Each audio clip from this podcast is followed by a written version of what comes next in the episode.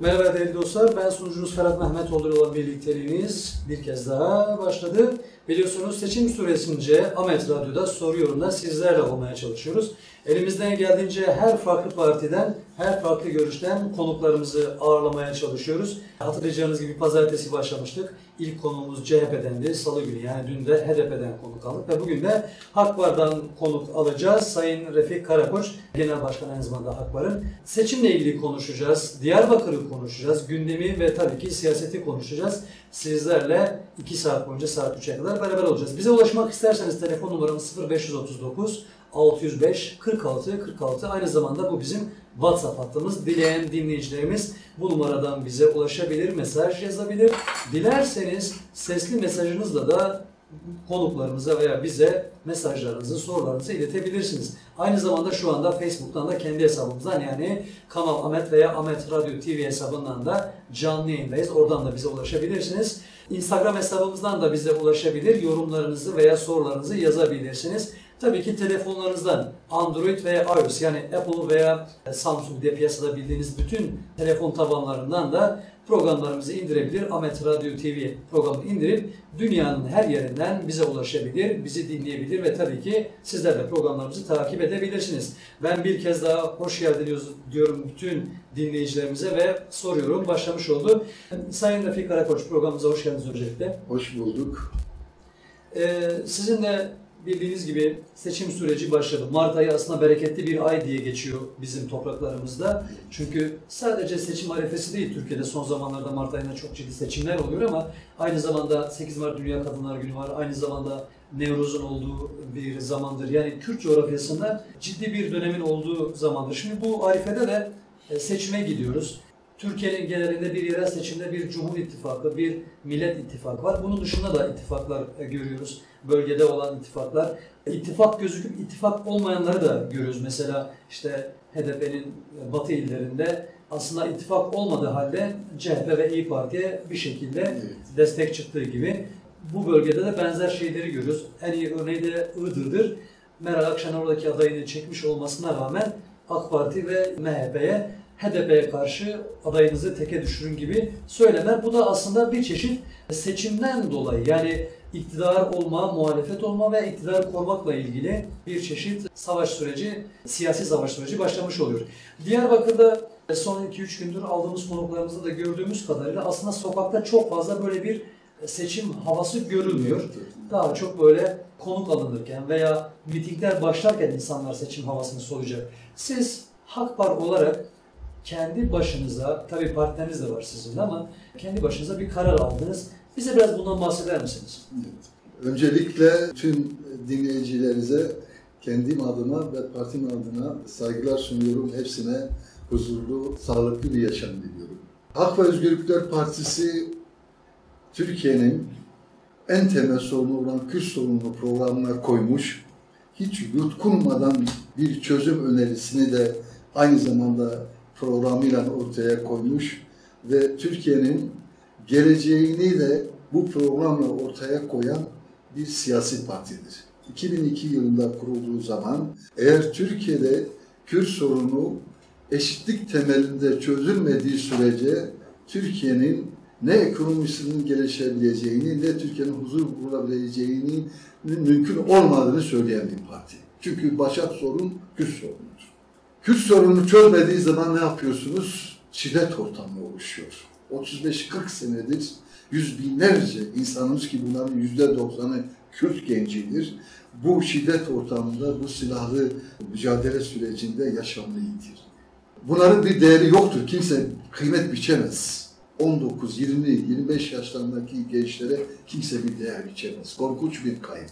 Özellikle ilk yıllarda üniversitede, üniversiteyi bitirmek üzere olan çok sayıda Kürt genci bu savaşta yaşamını yitirdi.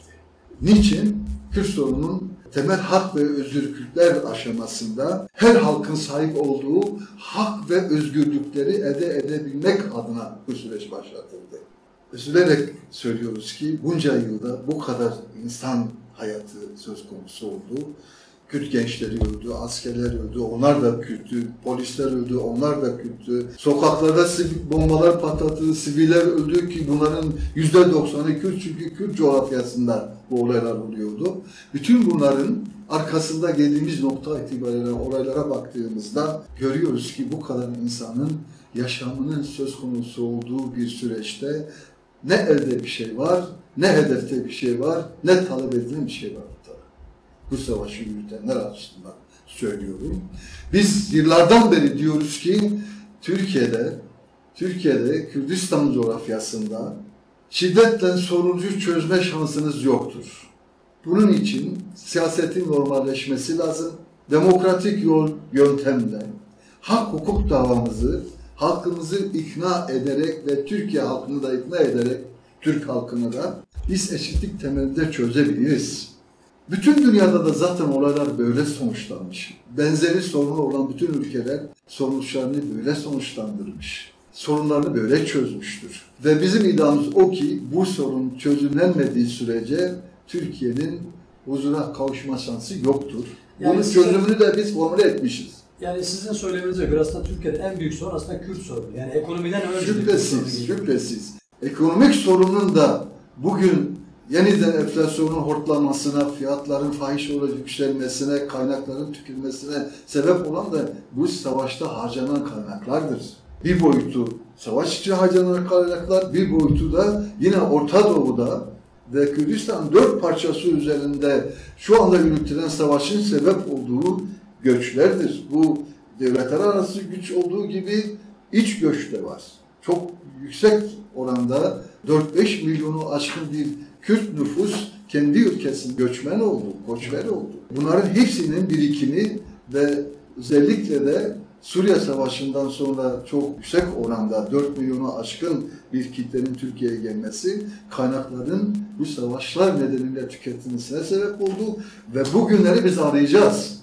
Seçimden sonra daha sonraki zamanlarda belki de uzun olmayan bir zamanda Türkiye'de yaşayan herkes bu günleri arayacak. Ekonomik Yani sıkıntı daha ebatlar. ekonomik krizlerin patlak vereceğini öngörenlerdensiniz. Evet, ekonomik veriler bunu söylüyor. Alım gücü azalıyor, piyasa sıkıntılı. Sektörler bazda, bazında baktığımız zaman bugün sıkıntı içinde olmayan, şikayetçi olan hiçbir sektör yok. Tarımı öyle, otomotivi öyle, sanayisi öyle, inşaat sektörü öyle. Bir ülkenin temel sektörlerinden bir tanesi inşaat sektörüdür. Eğer inşaat sektörü durağanlaştıktan sonra o ülkede bir kriz kaçınılmazdır. Bugün biz görüyoruz, gözlemliyoruz, bakıyoruz ki inşaat sektöründe ciddi daralmalar var. Bu işi yapan iş adamlarımızla, tanıdıklarımızla, dostlarımızla konuştuğumuz zaman görüyoruz ki çok ciddi sıkıntılar var. Bir kere bu şiddet dursun. PKK silah bıraksın. PKK desin ki ben taleplerimi silahsız ortaya koyacağım. Yani sizin parti olarak görüşünüz PKK'nın silah bırakması. tabii şiddetin son bulması lazım. Evet. İki, devlet operasyonlardan vazgeçsin. Kürt sorununda yıllardan beri, yüzyıllardan beri takip ettiği inkar, red ve şiddet politikasından vazgeçsin. Nasıl vazgeçsin? 2002 ile 2010 yılları arasında yaptığı gibi. 2002 ile 2010 yılları arasında AKP hükümetleri birer adım attı. Evet. Ne yaptı? Belirli yasakları kaldırdı. Örneğin Kürtçenin siyaset dilinde yasağı vardı. Biz siyasi parti olarak kendi propagandalarımızı, kendi Kürtçe yapamıyoruz. partisi Kürtçe yapamıyordu. 2932 sayılı yasayla 12 Eylül 1980'de Kürtçenin konuşulması yasaklanmıştı. Bu dünyada görülmemiş bir şey. Bir dilin, bir dilin her türlü uluslararası yasaya rağmen kanunla yasaklanması. Yayın, radyo, televizyon yayını. E, kasetler yüzünde cezala onlarca insanlarımız vardı geçmiş yıllarda. çağlı bir parça yüzünden 2 ay 3 ay ceza Tabii yedi. ki, tabii ki, tabii ki. evet. Ha, bu konularda belirli bir adımlar atıldı. Örneğin üniversitelerde Kürtçe bölümler açıldı. Siz bu adımları yeterli buluyor musunuz?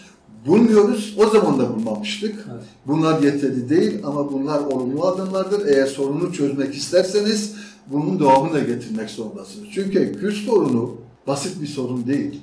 Bir ulusal hak, hukuk talebidir ve siyasidir. Siyaseten çözümlenmesi lazım. Bunun en temel adımı da bu sorunun bir kere varlığını kabul etme ki 2002-2010 yılları arasında Kürt sorunu benim sorunumdur. Devlet bu konuda yanlış yapmıştır. Dersim'de katliam yapılmıştır.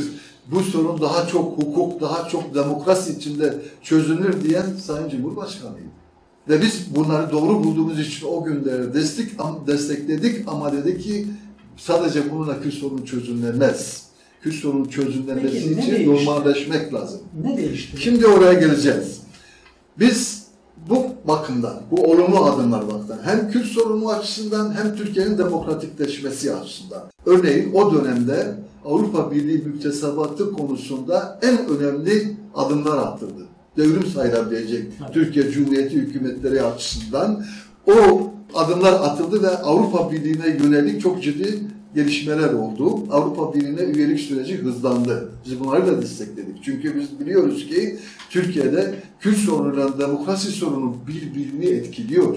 Bir terazinin iki kefesi gibi demokratikleşme olduğu zaman Kürt sorunu konuşabiliyorsunuz, tartışabiliyorsunuz, çözüm yolunda mesafe alabiliyorsunuz. Eğer demokrasi kalktığı zaman ki buna en çok da Kürt sorunu sebep oluyor, o zaman da sorunlar daha da büyük konuşamıyorsunuz ve beraberinde de işte şiddeti doğuruyor. Yani Kürt sorununun çözümsüz kalışı beraberinde şiddeti getirdi. Kürt sorununda red, inkar, şiddet politikası beraberinde karşı şiddeti doğdu ve bugünkü duruma geldik. Bizim çözüm önerimiz açık ve net. Şiddet son bulsun. Devlet 2002-2010 Bunları yılları arasında sağlayabilir misiniz? Kısa ve net. Tabii. adımlar atsın diyoruz. Bu siyasetin normalleşmesiyle başlar. Diyaloglarla başlar. Ve Kürt halkının temel insan ve hak özgürlüklerinin yasal güvenceye kavuşturmasıyla başlar. Nedir bu? Kürtlerin kendi ana diliyle hem de her iki şivesiyle Türkiye Kürdistan için söylüyorum hem kurmancı hem zadaki ana dilleriyle eğitim yapma. Bu devletin görevidir. Bu hakkın bu hakka tanınması gerekiyor. Peki devlet yeterli olmasa bile bu alanda belli bir adım atmadı mı? Belli adım atıldı. Ama bu yetmez. Ben şimdi sonuç alıcı atılma, adım, atılmadığına dair size birkaç örnek vereyim. Mesela üniversitede bölümler açıldı. Biz o zaman da dedik ki işte bu atılan adımlar doğru şeylerdi ama bunlar yetmiyor, çözüm değildir. Bunun gerisinin gelmesi lazım. Saydık o zaman. Ana dilden eğitim, Kürtçenin resmi dil olması. Dünyada 50 tane resmi dili olan ülke var. 30 tane resmi dili olan ülke var. 10 tane resmi dili olan ülke var. Dünün Federal Irak devletinde Kürdistan'da bile 5 tane resmi dil var. Türkmence de dahil olmak üzere. Türkiye'de yaklaşık nüfusun üçte biri 20-25 milyon bir halkın konuştuğu bir dili nasıl siz yasaklarsınız? Niye resmi dil olmasın? Biz mahkemelerde, hastanelerde niye tercümanla derdimizi anlatmaya çalışalım? Çoğu zaman bizim e, yaşlı kesimimiz Türkçe bilmediği için doktora geldiğinde ne sıkıntı çektiğini bile anlatamıyor. Peki PKK sil- silahı bıraksın, devlet e, silahla Devlet, mücadele yapmasın. devlet de red, inkar, şiddet provokasından vazgeçsin. Başka neler var? ve temel hak ve özgürlükler konusunda Kürtçenin eğitim dili olması. Evet. İlkokuldan üniversiteye kadar. Kürtçenin resmi dil olması. ikinci resmi dil olması. Bu ülkenin resmi dili olmasını biz talep ediyoruz. Ve Avrupa yerel yönetim özellik şartında koyduğu çekincelerin kaldırılmasını talep ediyoruz. Merkezi yönetimin önemli oranda yetkilerini adil merkeziyet dediğimiz yerellere devretmesini talep ediyoruz. Bizim programımızda bu var. Yani yerel yönetimler adeta birer parlamento. Çözüm sürecinde hükümet bunu yapmaya kalkıştı ama geri adım attı galiba. Şimdi o işin e, boyutlarını biz tartışacağız. Herhalde zamanımız var ona. Şimdi bunların yapılması lazım ve biz federal bir anayasayla bu işin olabileceğini düşünüyoruz. Federatif bir yapı. Yani federal devlet sistemine geçiyoruz. En güzel örneği Kıbrıs'ta Türkiye, Kıbrıs e, 200 bin nüfuslu Kıbrıs Türkleri için ne istiyor? İki ayrı cumhuriyet. Kıbrıs devleti içerisinde iki ayrı cumhuriyet. En son güneyde Kürdistan için nasıl bir fonu bulundu? Irak devleti ve federal Kürt hükümeti, Irak hükümeti ortak parlamento. Evet. Her iki federal ayrı devlet. Tamam. topla Bizim Türkiye'de önerdiğimiz sistem bu.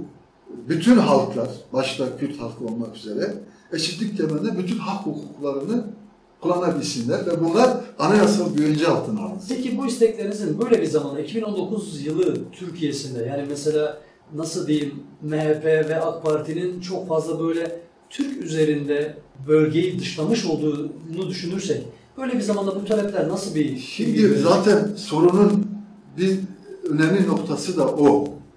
Türkiye'nin bu hale gelmesine, bu kadar insanın yaşamının kaybedilmesine ve kaynaklarının tüketilmesine sebep olan partiler de bizim düzen partileri diye tarif ettiğimiz dünden bugüne ve bugün parlamentoda olan partilerdir. Aslında Kürt halkıyla Türk halkı arasında hiçbir problem yok. Siz normal koşullarda bir Türk'le görüştüğünüz zaman Kürtlerin varlığını da hak hukukunu aynen kabul eder. Ben burada sormak isterim. Yani gazeteci sıfatıyla sormak istiyorum. Mesela aynı jargonu AK Parti kullanıyor. Türkler ve Kürtler arasında problem yoktur. Aynı jargonu CHP kullanıyor, HDP kullanıyor. Siz de kullanıyorsunuz ve işin ilginç tarafı bağımsız adaylar da kullanıyor. Eğer Kürtler ve Türkler arasında problem yoksa peki problemin kaynağı nedir? Problemin kaynağı siyasi kurumlardır, siyasetçilerdir. Kullanılan dildir ve Türkiye'de gelenek haline gelen yanlış bir siyaset tarzıdır. Türkiye'de şu anda partiler ne yapıyor biliyor musunuz? Toplumun var olan çelişkilerini, toplumun zaaflarını oy uğruna kullana kullana bugünkü durumu yarattılar. Evet. Sorun çözme yerine sorunu erteleme, sorun çözme yerine sorunu parti menfaati için kullanmayı hedef olarak seçtikleri için, uygulamalar da bu yönde yapıldığı için giderek artık bugünkü kaos ortamı meydana geldi. Yani Kürt düşmanlığı yapmakla belli bir kitleyi etrafında toplayan MHP bu sorunu çözemez ve bizim dediğimiz anlamda da siyaset yapamaz. Ya da iktidarda kalma uğruna MHP gibi çağ dışı bir zihniyeti kendisine ortak edip 2002-2010 yılları arasında iyi şeyler yapıp söyleyen bir AKP hükümeti 2010-2010 ondan sonraki Evet. yeniden eski e, siyaset tarzına yani red, inkar, şiddet politikasına dönmekle bu sorunlar çözümlenmez. Kürtlerin varlığını kabul etmek tek başına yetmiyor. Kürt sorunu siyasi bir sorundur, ulusal bir sorundur. Ulusal taleplerle çözümlenir, Kürt halkıyla çözümlenir ve Kürt halkının da diğer bütün halklar gibi temel insan hak ve özgürlüklerinin kullanılmasıyla paraleldir ve onun için de biz diyoruz ki yeni demokratik, özgürlükçü federal anayasada bütün bunlar güven- güvence altına alındığı zaman Kürt sorunu da bağlı olarak Türkiye'de yaşayan bütün halkların sorunu da çözümlenmiş olur ve Türkiye'de öyle huzura kavuşur. Peki ben bir şey sormak istiyorum. Geçmiş dönemde Sayın Cumhurbaşkanı Erdoğan benim Kürtlerim diyordu. 75 milletvekilim var diyordu. HDP'nin vekil sayısı o zaman daha azdı. 7 Haziran öncesindeydi. Ne oldu da o süreçten bu süreçe gelindi veya mesela Sayın Süleyman Soylu olsun, Sayın Erdoğan olsun bir şey söylediğinde bizim Kürtlerle problemimiz yok diyor. İşte bizim aslında sadece terörle sorunumuz var diyorlar. Size göre Türkiye'de yani doğudaki Kürtlerle işte batıdaki Türkleri düşünürsek, eğer iki kutup olarak düşünürsek nasıl kaynaşacaklar? Mesela sizin partinizin ana temasına göre, yani Kürt ekseni bir parti olduğunuz için söylüyorum, ana temasına göre siz mesela batıdaki Türklerle ve oradaki Türkleri de buradaki Kürtlerle nasıl kucaklaştırmayı düşünüyorsunuz? İşte federal sistem bunun için var. Evet. Dünyada çok etnisiteli, çok farklı mezhepten olan ülkelerin hepsinde benzer sorunlar yaşandı ve bu ülkelerin hepsi de üniter yapıdan dönerek federal yapı içerisinde bu sorunları çözdüler. Biz onun için federal yapı öneriyoruz. Yani federal yapıdaki kasıt şu, eşitlik temelinde her halkın temel hak ve özgürlüklerini kullanabildiği, kendi kendini idare edebildiği bir sistem.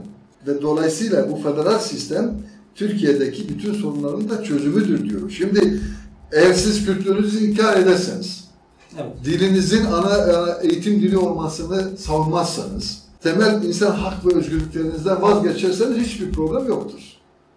Yani Bu Kürtler talepte mi Türk bulunması? Parti, tabii Türk partilerimize dayattığı bu. Yani e, bu hak hukuku dava etmeyen Kürtlerle problemleri yok. O zaman da diyorlar ki işte bütün Kürtlerin bu talebi yok.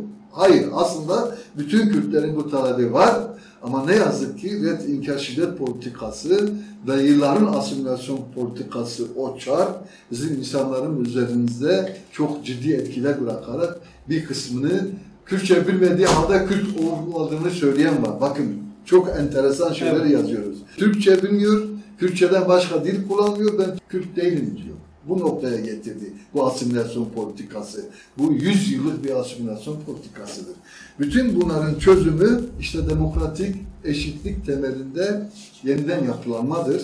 Bunu bir sağladığımız zaman hem Türkiye'de herkes kendi hak hukukuna kavuşur, hem herkes kendi inancını yaşar. Ee, Alevilerin de Türkiye'de ciddi bir sorunu var. Alevi sorunu da ciddi bir sorundur. Onun da bütün diğer inançlar gibi serbestçe ibadet etmesini sağlamak, ibadetgahlarına camiler kadar verilen hukuk kadar hukuk içerisine almanın e, gerektiğini söylüyoruz. Ve bütün diğer sorunlar bağlı olarak bunlara devam ediyor. Bu çevre sorunudur, bu işçi sorunudur, kadın sorunudur. Bakın çok enteresan bir dönem yaşıyoruz. Özellikle kadınlar açısından. Önümüzdeki iki gün sonra Dünya Emekçi Kadınlar Günü'dür. Bu vesileyle tüm dünyadaki emekçi kadınlar gününü özellikle Kürt emekçi kadınlar gününü de buradan kutluyorum. Şimdi bakın dünyanın başka hiçbir yerinde, hiçbir ülkede ortalama günde bir ya da iki kadının öldürüldüğü bir ülke bulamazsınız. Yoktur. Bunun sebebini biz niye araştırmıyoruz, söylemiyoruz, konuşmuyoruz? Bunun sebebi var. Bunun sebebi Türkiye'de yıllardır uygulanan bu şiddet ekseninde oluşan bu şiddet atmosferidir. Burada artık kimse hakkını, hukukunu diyalogla, e, yasal yollardan birbirini ikna ederek aramadan vazgeçmiş. En kısa yol şiddet. Peki şiddet çözüm getirecek mi? Mesela Türkiye'de gördük defalarca 90'lı yıllarda gördük, günümüzde gördük, Getirmiyor. yakın tarihte gördük. Zaten bizim bütün çabamız bunun üzerine. Şiddet çözüm olmamış. Dünyada en büyük savaşların sonunda yine uzlaşı olmuştur. Ne kadar insan harcarsanız bu savaşta ölümüne sebep olursanız onun eninde sonunda bu konuların hepsi bir diyalogla, bir görüşmeyle, karşılıklı hak hukukla çözümlenir diyoruz. Bunu dünyada herkesin bilmesi lazım ve biz bu yüzden işte ısrarla diyoruz şiddet ortamı sonunda. Peki siz başlangıçta da dile getirdiniz. PKK'nın acilen silah bırakması gerektiğini, hükümetin de bu bölgede silahlı mücadeleyi geriye Demokratik yolların açması ve açılması vazgeçmesi. bahsettiniz. Evet. Peki bu benzer söylemler aslında yıllardır söyleniyor. Yani sizin söylediğinizi de vatandaş arasında dile getiriyor. Bizler de gazeteciler de dile getiriyoruz. Peki neden yani neden bu olmuyor? Yani sizin bu konuda bir tespitiniz ve bir araştırmanız var mı? Şüphesiz. Dedim ya siyaset tarzı. Hükümette olan parti ya da muhalefette olan partiler birbirinden farklı çözüm önerilerini ortaya koymuyorlar. Bakın bugün iktidar ve iktidardan iktidarın karşılığı muhalefet olan partiler. Dikkat edin aynı şeyleri söylüyorlar. Aynı şeyleri. AKP hükümetiyle MHP'nin Cumhur İttifakı ne söylüyorsa CHP ile İYİ Parti'nin ittifakı da aynı şeyi söylüyor ve HDP de onlardan eksik kalmıyor zaman zaman. İşte e, biz e, Türkiye Partisiyiz. İşte Türkiye'nin üniter yapısını karşısında değiliz. E, Zaten üniter yapının karşısında olmadığını sorun çözemez. Bu Türkiye Partisi konusunda eleştiriniz var mı? Mesela HDP 24 Haziran'da bütün Türkiye'ye açık olduğunu, bütün Türkiye'deki bir parti olduğunu dile getirmişti ama yerel seçimde Evet. sadece bölgeye e, Çelişkileri gözüküyor. ortada çıkıyor. Mesela bunlar dediğim gibi yani o yararcı siyaset, menfaat üzerine siyaset, kendi cemaatine ya da partisine yönelik siyaseti öne çıkardığınız zaman bu tip hataları yaparsınız. Şimdi diyelim ki HDP'nin İstanbul'da çok ciddi bir oyu var. Yüzde on bir civarında. Adana'da yüzde yirmi oranda oy oranı var. Ya da öteki kentlerde. Niye aday çıkarmıyor? Niçin aday çıkarmıyor biliyor musunuz? Bakın onların stratejilerini bildiğim için cevaplarını vermiş olayım çünkü dün konuktu bizlerde e, HDP'nin e, eş başkan adayı Büyükşehir Belediyesi Başkanı için. Biz strateji yaptık dediler. Ben eleştirdim kendilerini çünkü siz İstanbul, İzmir, Adana, Ankara gibi yerlerde aday için, e, göstermediniz diye. Hükümete karşı, Cumhur İttifakı'na karşı strateji yaptık dediler. Siz nasıl değerlendiriyorsunuz? İşte onu söylüyorum. Şimdi buradaki yaklaşım şu. HDP'nin düştüğü yanlışlık. Ne diyorlar? İşte batıda biz AKP'ye darbe vuracağız. Kürdistan'da adalarımızı çıkaracağız. Peki siz AKP'ye darbe vurduğunuz zaman onun yerine gelebilecek seçeneğin de niteliğini, neler yapabileceğini AKP'nin farkını da söylüyor musunuz?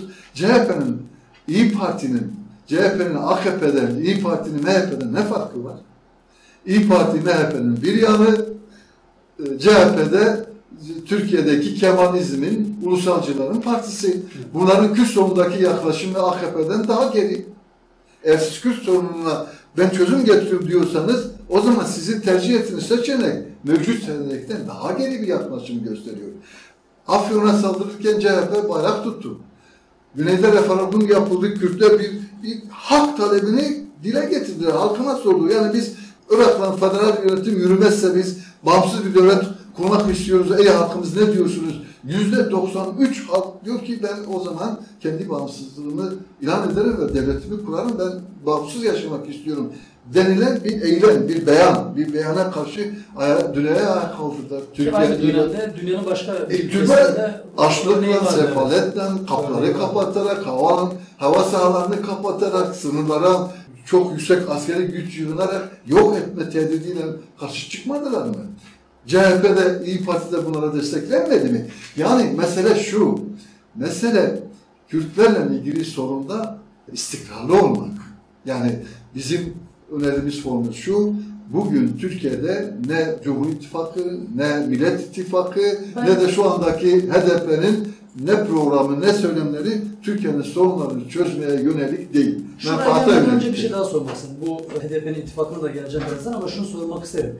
Ee, geçmiş dönemde Diyarbakır'da Kantar Meydanı'nda da Sayın Cumhurbaşkanı Erdoğan ve Sayın Mesut Barzani beraberinde İbrahim Tatlıses ve Şivan Perver gibi bir e, süreç yaşandı. O dönemde Sayın Cumhurbaşkanı bizzat dile getirdi. İşte Kürdistan dedi, bayraklarla karşıladı.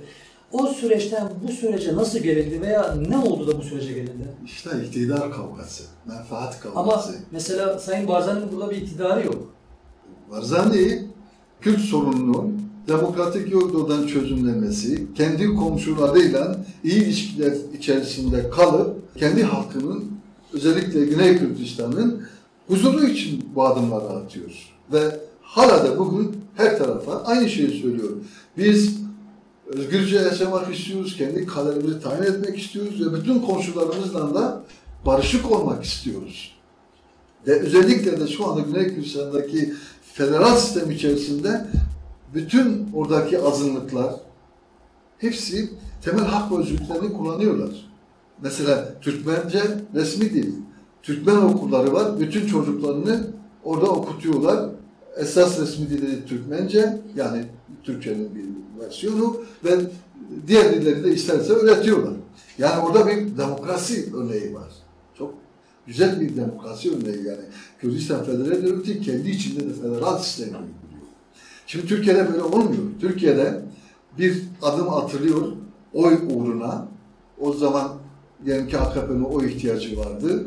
Referandumu vardı? sistemi değiştirmek için bir takım mesajlar, bir takım adımlar atıyordu. Ama onun arkasını getirmiyordu. Nitekim ben demin de söyledim. 2002-2010 yıl arasında iyi şeyler yapıldı ama arkası getirilmediği için Diyada iktidarda kalabilmek adına yeni ittifaklar ortaya koyduğu için ilerleyeceğine gerileme dönemi başladı. Yeniden başa döndük. Peki mesela o dönemde HDP'de neredeyse hükümetin ortağı ol- olduğu kadar diyebiliriz. İki, Olabilirdi. İki bakan bile al- aldı kısa Evet. dönem olsa bile. Evet. Yani böyle bir süreç yakalanmışken neden o süreç kaybedildi? İşte yanlış siyaset dediğimiz şey yine oradaki karşımıza çıktı. Eğer HDP Cumhurbaşkanı'nın taleplerine e, kendi halkı, Kürt halkı çıkarları açısından baksaydı şunu söylemezdi ya da söylememesi gerekiyordu. Seni başkan yaptırtmayacağız. Bunu Sayın Cumhurbaşkanı'na söylüyorum. bu Şimdi bir bunun arkasında ne var biliyor musunuz? Bunun arkasında mevcut bir iktidarın iyi şeyler yapma gibi bir adımının önünü kesmek var. Bunun da zeminini hazırlayan uluslararası ilişkiler ve özellikle Türk sorunu. Ve HDP'de o dönemde bu hataya düştü. Biz diyoruz ki bizim açımızdan problem olan kimin iktidarda olduğu değil, hangi partinin iktidarda olduğu değil, hangi sistemle yönetiliyor noktasında değil, ister başkanlık sistemi olsun, ister parlamenter sistem olsun, ister bizim önerdiğimiz federal bir sistem olsun, biz orada hak hukuk davası yapıyoruz. Varsın Kürtlerin hak hukuku tanınsın, Kürtçe eğitim dili olsun, Kürtçe resmi dili olsun, Kürtler merkezi yapıdan çıkarılsın, aday merkeziyette yani kendi kendini yönetme noktasına gelsin. Böyle bir idare yapıyı ister federal Peki bu sistemde konuda bir şey sormak isterim. Eğer o dönemde HDP AK Parti'nin bu taleplerine karşılık vermiş olsaydı siz bir Kürt partisi olarak yani HDP'ye muhalif bir Kürt partisi olarak HDP'yi destekler miydiniz? biz mutlak e, olan bir şeyi olarak söylemiyoruz ama olması gerekeni söylüyoruz. Biz olsaydık diyoruz ya da yapılması gerekeni. Çünkü eğer siz böyle bir tavır koysanız deseniz ki ben Türkiye'nin idare sisteminden öteye hangi sistem olursa olsun benim hak hukuk talebimi orada bulayım varsın başkanlık sistemi olsun. Zaten e, birçok federal sistem, federal devlet başkanlık sistemine idare ediliyor. Ama Türkiye'de bu sistemin yürümeyeceğini de biz ayrıca uyarı olarak söylüyorduk. Niye? Çünkü Türkiye'nin altyapısı, eğitim sistemi, kültür yapısı, sivil toplum örgütlenmesi son derece zayıf. Bu tip örgütlenmesi zayıf olan ülkelerde başkanlık sistemi genellikle despotluğa gidiyor, tek adamlığa gidiyor ve biz iddia ettik bunu 16 reformunda ısrarla ısrarla bu sistem oraya gider dedik, karşı çıktık. Başkanlık sistemi yani Cumhurbaşkanı sistemine ilk defa en önce açık açık kamuoyuna karşı çıkan biz hak var olduk. Çünkü biz görüyorduk ki bu sistem giderek tek adam sistemine ve despotizme gidiyor ve biz bugün o günleri yaşıyoruz. Peki tekrar Diyarbakır üzerine dönecek olursak yakın tarihte HDP ile beraber ittifak e, veya çatı altında toplanma diyelim. Yine bir siyasi ittifak diyelim buna. Toplamda 8 parti birleştiler. HDP'yi destekleyeceklerini açıkladılar. Siz bu oluşumun içinde yer almadınız. Parti olarak içinde yer almadınız. Yer almama sebebiniz neydi? Ve mesela arasında daha önce beraber yürüdüğünüz siyasi partiler de vardı. Onlar şu anda yer almış oluyor. Siz nasıl değerlendireceksiniz? Şimdi biz e, parti olarak programsal bir bakış açısına sahibiz. Yaptığımız çağrılar var. Sürecin aktörleri açısından, bölge aktörleri açısından. Diyoruz ki şiddet son bulsun. Diyoruz ki Kürt halkının eşitlik temelinde hak hukukunu tanıyalım. Onun modelini de söylüyoruz. Federal bir çözüm öneriyoruz. Anayasaya diyoruz ki bu anayasayı biz 19 kez değiştirdik ama bu Evet. boşuna olan değişikliklerdir. Özünden bir değişiklik yapmamız lazım. Kürtlerin ve diğer hakların varlığını kabul eden bir anayasa yapalım diyoruz. Ve yeni bir siyaset tarzı diyoruz. Halkın istismar etmeyen, halkın içindeki sıkıntıları, çelişkileri kullanmayan olması gereken bir siyaset tarzı ve barış dili. Ötekileştirme olmasın, kamplaşma olmasın. Şu anda bütün siyasi partilerin kullandığı dil kamplaşmaya hizmet ediyor, ötekileştirmeye hizmet ediyor. Ne yaparsanız yapın bu dil, bu gidişat Türkiye'de ciddi olaylara sebep olabilir. Biz Siz- bunların karşısında Ötekileştirdiğinizi mi düşünüyorsunuz? bu- Tabii, Bu oluşumda. Tabii bunu hepsi yapıyor. Parlamentodaki partilerin hepsi yapıyor. HDP'de dahil. Peki- Zaten bizimle HDP'nin bu konuda çok farklı söylemlerimiz var. Mesela biz federal sistem dediğimiz zaman Kürtlerin temel hak ve özgürlüklerini anayasal güvence altına tutuyoruz. Üniter yapıya biz açık ve net karşı çıkıyoruz. Üniter yapı içerisinde çözüm bulamazsınız diyoruz. Üniter yapının manası şu, herkes Türktür, eğer Türklüğü kabul ederseniz bir problem yok. Peki ben tekrar sormak isterim. Yani var olan bir bu bölgede, Diyarbakır'da ve bütün bölgemizde HDP ile beraber yürüyeceğini açıklayan partiler oldular, oluşumlar oldular. Siz içinde yer almadınız, parti olarak içinde yer almadınız. Bir daha sormak isterim. İçine neden yer almak istediniz? Oraya geliyorum müsaade ederseniz. Şimdi söylemlerimiz farklı olduğu için, çözüm önerilerimiz farklı olduğu için Kürt halkının Orta Doğu'da belirgin bir takım kazanımları var. Diyelim ki şu anda de facto da olsa ya da son zamanlarda artık federal bir devlet olsa Güney'de bir devlet var. O devletin bağımsız olma hakkı da vardır. Eğer Irak hükümeti bilinen yanlışları devam ederse ki zaten onun yüzünden bu son gelişmeler oldu. Onların e, bağımsız devlet olma hakkı da var. Biz onu savunuyoruz. Evet. Biz örneğin Rojava'da yani Suriye Kürdistan'da yine bir federal sistem çözümü olabilecek diyoruz. Türkiye için de aynı çözümü öneriyoruz. Şimdi bu önerilerimizle HDP'nin önerileri birbirini tutmuyor. Biz Güney'in bağımsız hakkının ana sütü gibi helaldir diyoruz. Ama onlar bunu kabul etmiyor. Yani sizin birebir bu söylediklerinizle karşılıklı konuştunuz mu? Mesela Şüphesiz, şüphesiz. Bizim her türlü çalışmamızda, parti meclisi kararlarımızda, basın açıklarımızda, belgelerimizde bunlar var. Ama bunlar Peki, onlar hiç kabul son- etmiyor. Sezai Temelli'nin son günlerde dillendirdi işte biz Kürdistan coğrafyasında kazanacağız demesini nereye bağlıyorsunuz o zaman? Kürdistan demek artık herkes için bir şey oldu. Kürdistan demekten iş olmuyor. Yani onlar da Çözüm önerisine buradaki oylara mı oynamaya Tabii çözüm oya, oya, oya oynuyorlar. Çözüm önerisi önemli. Türklerin kendi devletine özgür olmasının bir şeyi olması lazım. Bir formülü olması lazım. Programsal iştir bu.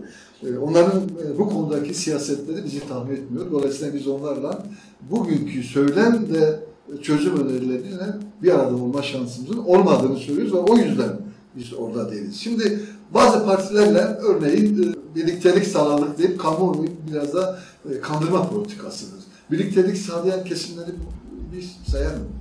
Özgürlük ve İnsan Partisi İnanmaların Bilim Milletvekilinin kurduğu bir parti.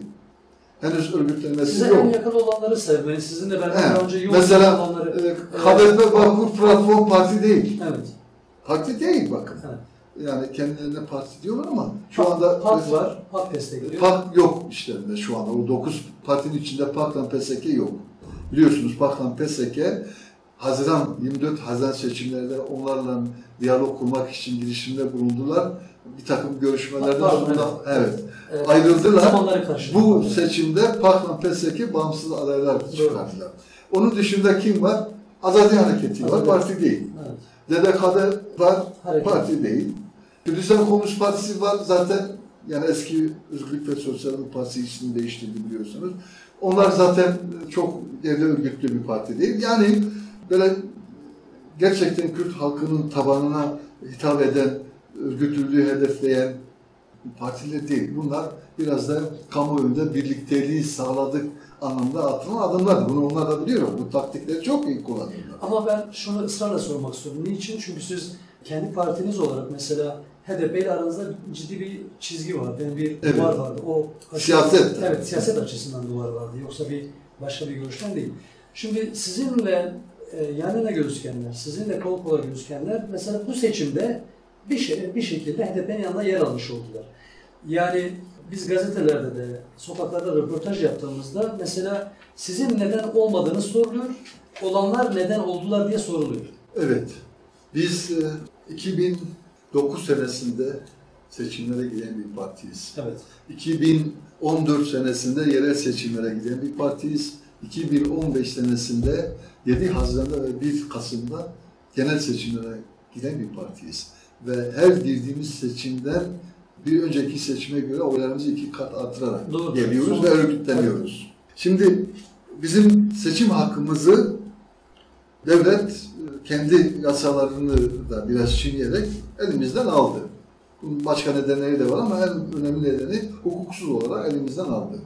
Kurulmuş örgütlerimiz kongrelerini zamanında yapmadı diye hiçbir uyarı yazısı da göndermeden bunları hepsini münfesih sayarak seçim hakkımızı elimizden aldı. Biz de onun şimdi gereklerini yapmak üzere hızla örgütleniyoruz. Onun için de partinin seçim hakkının yeniden oluşması için çabalarımızı sürdürürken 2018 erken Haziran seçiminde adaylarla seçime girdik. Amaç da şuydu, programımızı, çözüm önerilerimizi en etkili şekilde halkımıza anlatmak. Ve bunu da yaptık. Hem de en etkili şekilde yaptık. O seçimlere duyarlılık yaratmak adına biz girmiştik. Ondan sonra da yerel seçimlere odaklandık. Bu yerel seçimlerde de biz seçimlere girmedik çünkü bizim seçimlerden daha önemli gördüğümüz örgütlüğümüzü tamamlama projemiz vardı. Bir de yerel seçimlerde bağımsız olarak başkan seçme, meclis üyeleri seçme son derece zordur. Zaten korkunç bir kutuplaşma var. Bu kutuplaşma bağımsız adaylara oy vermeyi engelliyor. Artı başkan seçtiğinizi de düşünün bir ilde ilçede. Onun meclis üyesi olmadığı zaman silahsız askere döner. Çünkü meclis üyesi olmadan siz hizmet yapamazsınız. Yani yeteri miktarda taban olmayınca. Tabii. Artı belediye meclis üyelerini seçerken de sistem yine yüzde on barajlıdır. Yani bağımsız meclis üyesi seçme şansınız yoktur. En çok zorlasanız o ilin ya da ilçenin yüzde elli oyunu bile alsanız bir tane seçersiniz. onunla da iş yapma şansınız yoktur. Böyle engeller de var. O, o bakımdan biz bağımsız adaylar seçimini bu seçim için devreye sokmadık. Daha öncelikli işimiz olan örgütleme yönelik. Bazı arkadaşlarımız Evet. mesela 24 Haziran'da dolaylı olarak HDP'yi destekleyen bazı partiler, özellikle isim de verdiniz ben de söyleyeyim. Onlar bağımsız aday çıkarma yolunu tercih ettiler. Biz de parti meclisi olarak net açık karar almışız.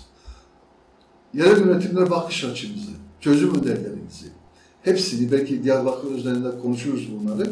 Biz bunları her biçimiyle halkımıza anlatacağız. Broşürlerle, bildirilerle, partinin açıklamalarıyla, partinin kongrelerinde, etkinliklerinde ve dayanışma gecelerinde bunları hepsini anlatıyoruz halkımıza.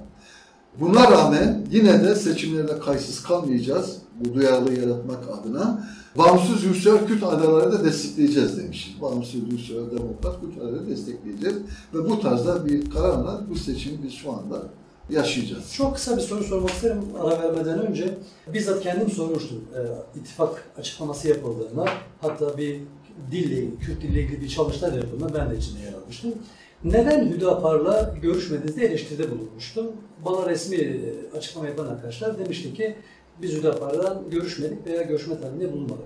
Size sormak isterim. Mesela böylesi bir ittifakta işte siz yer almamış oldunuz, Hüdapar yer almamış oldu. Birkaç e, oluşum daha yer almadı. Hüdapar'da bir Kürt partisi olarak görüyor musunuz? Her ne kadar mesela din ağırlık, din eksenli gözükse de veya geçmişte mesela HDP'nin en zıttı gözükse, gözükse bile size göre mesela Hüdapar'da yer alabilir miydi eğer siz de yer almayı düşünmüş olsaydınız diye? Şimdi biz Kürt sorunu ve Kürt sorunu gündemine alan partileri değerlendirdiğimiz zaman ya da e, grupları, sivil örgütleri ya da kişileri şuna önem veriyoruz, değer veriyoruz. Bir insan eğer önce Kürt olduğunu kabul etmezse, önce dese ki ben Müslümanım sonra Kürdüm, ben Aleviyim sonra Kürdüm, ben sosyalistim sonra Kürdüm, işte biz orada dur diyoruz. Kürt olan önce Kürttür, sonra Müslümandır, sonra Alevidir, sonra Sünnidir, sonra e, sosyalisttir, sonra komünisttir. Kürtlerin bu noktada çok net, açık bir birlikteliklerin oluşması lazım. Bizim ölçütümüz odur. Kürtlüğünü öne koyan bir siyasi anlayış. Kim onu öne koyarsa biz onunla her türlü işi yaparız. Her yerde yer alırız. Ama gel gelelim ki Müslüman kardeşiz, sonra Kürdüz dediğin zaman belki ben de soruyorum. Halepçe'de 5000 tane Müslüman Kürt öldürüldü hem de kimyasal silahla. Siz hiç Diyarbakır'da Halepçe'nin yıl dönümü ya da Halepçe'nin olduğu zaman Müslüman Kürt kardeşlerimizi onu kınayan bir miting yaptığını gördünüz mü? Şahit olmadım. Olmadı. Ama Amerika kendi idari binasını bakın, elçilik binasını bir yerden bir yere, Kudüs'ün bir yerinde bir yerine ya da işte Tel Aviv'den Kudüs'e taşıyor diye Evet. Diyarbakır'da kalmayan Peki işler size, yapılıyor, mitingler size yapılıyor. şu eleştiri hiç yapılıyor mu? Ha, Mesela ben- benim- size Kürt Milliyetçisi Partisi diyenler oluyor mu? Milliyetçilik, ezilen, baskı altında olan, zor altında olan, hak hukuku gasp edilen, onuru şerefi ayakta olan bir insanın, bir halkın milliyetçiliği yok. Bir halkın hak hukuk talebi var. Milliyetçi de diyebiliriz.